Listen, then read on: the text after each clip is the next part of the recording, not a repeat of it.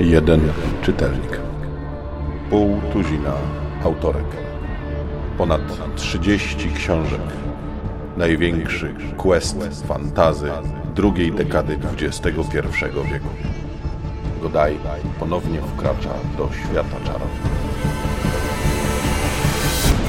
Kolejny tom Hajhalaku w świecie czarownic to zwieńczenie trylogii Gryfa. Dopiero od tego momentu staje się ona trylogią. Tom ten zresztą od dwóch poprzednich tomów y, o przygodach Kerowana i Joycean oddziela sporo lat, jeśli chodzi o czas napisania. Nazywa się Gniazdo Gryfa i jak sami e, tutaj słyszycie bądź widzicie, w zależności od tego, czy widzieliście książkę, czy też nie, po tym tytule możecie domyśleć się, o czym będzie. Otóż Joycean i Kerowan włóczą się po tych odłogach już ze trzy lata, od czasu jak walczyli z Galkurem z pomocą Landisla i jego gryfa.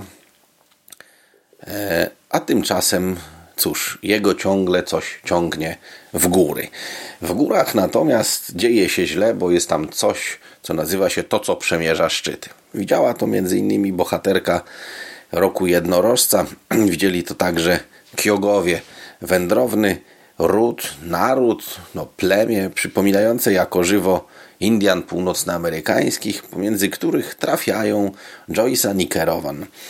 E, wyruszają z wioski rybackiej, w której mieszkali przez rok, ponieważ jego ciągnie do gór, więc wyruszają w przeciwną stronę. Joysan rzuca bardzo potężny czar, bo kobieta, która e, cały czas uważała, że nie ma żadnej mocy i że w ogóle to o co chodzi, to tak, no, że tak powiem, nagle stała się bardzo potężna.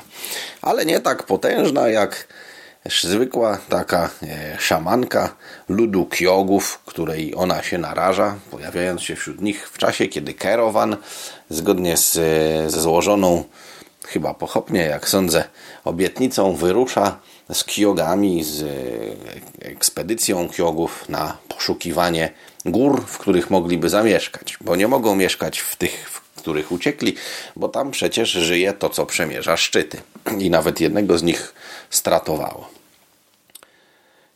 No tak, no zasadniczo potem jest tak, że znajdują e, cytadelę, a Joysan ma wizję. A w ogóle to jest w ciąży, ale mu nie powie. Chyba straszny spoiler, nie? I tak nie podejrzewam, żeby ktoś z Was czytał tą część jest za daleko w świecie czarownic, żeby w nią brnąć.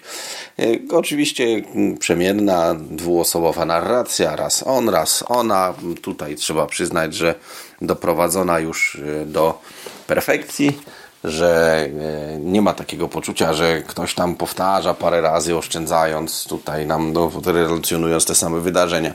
Podejmowany jest wątek z momentu, kiedy skończył się, do drugiego, kiedy się nie skończył i tak dalej.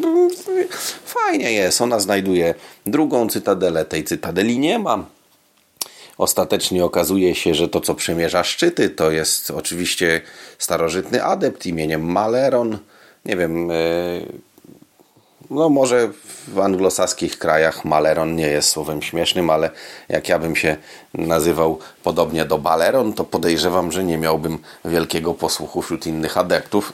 Maleron zresztą ma problem z krnąbrną siostrą, która jest zresztą mieszańcem, częściowo ptakiem, a częściowo człowiekiem.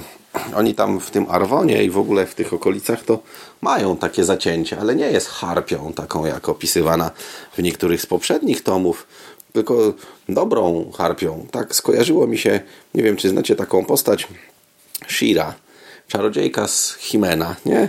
No to właśnie tak, e, tak, tak mi się skojarzyło. Chyba nie ma w tym dużej przesady, ponieważ e, w pewnym sensie mm, poziomem ta książka nie wyrasta właśnie ponad produkcję tego typu. Jest idealnie, dokładnie taka sama jak e, wszystkie poprzednie części i mm, nie, nie, zaskakuje. To już nie jest ten moment, kiedy świat czarownic może w jakikolwiek sposób zaskakiwać. Współautorką tej części jest pani o nazwisku AC Crispin. E, przyznam szczerze, że nie zauważyłem.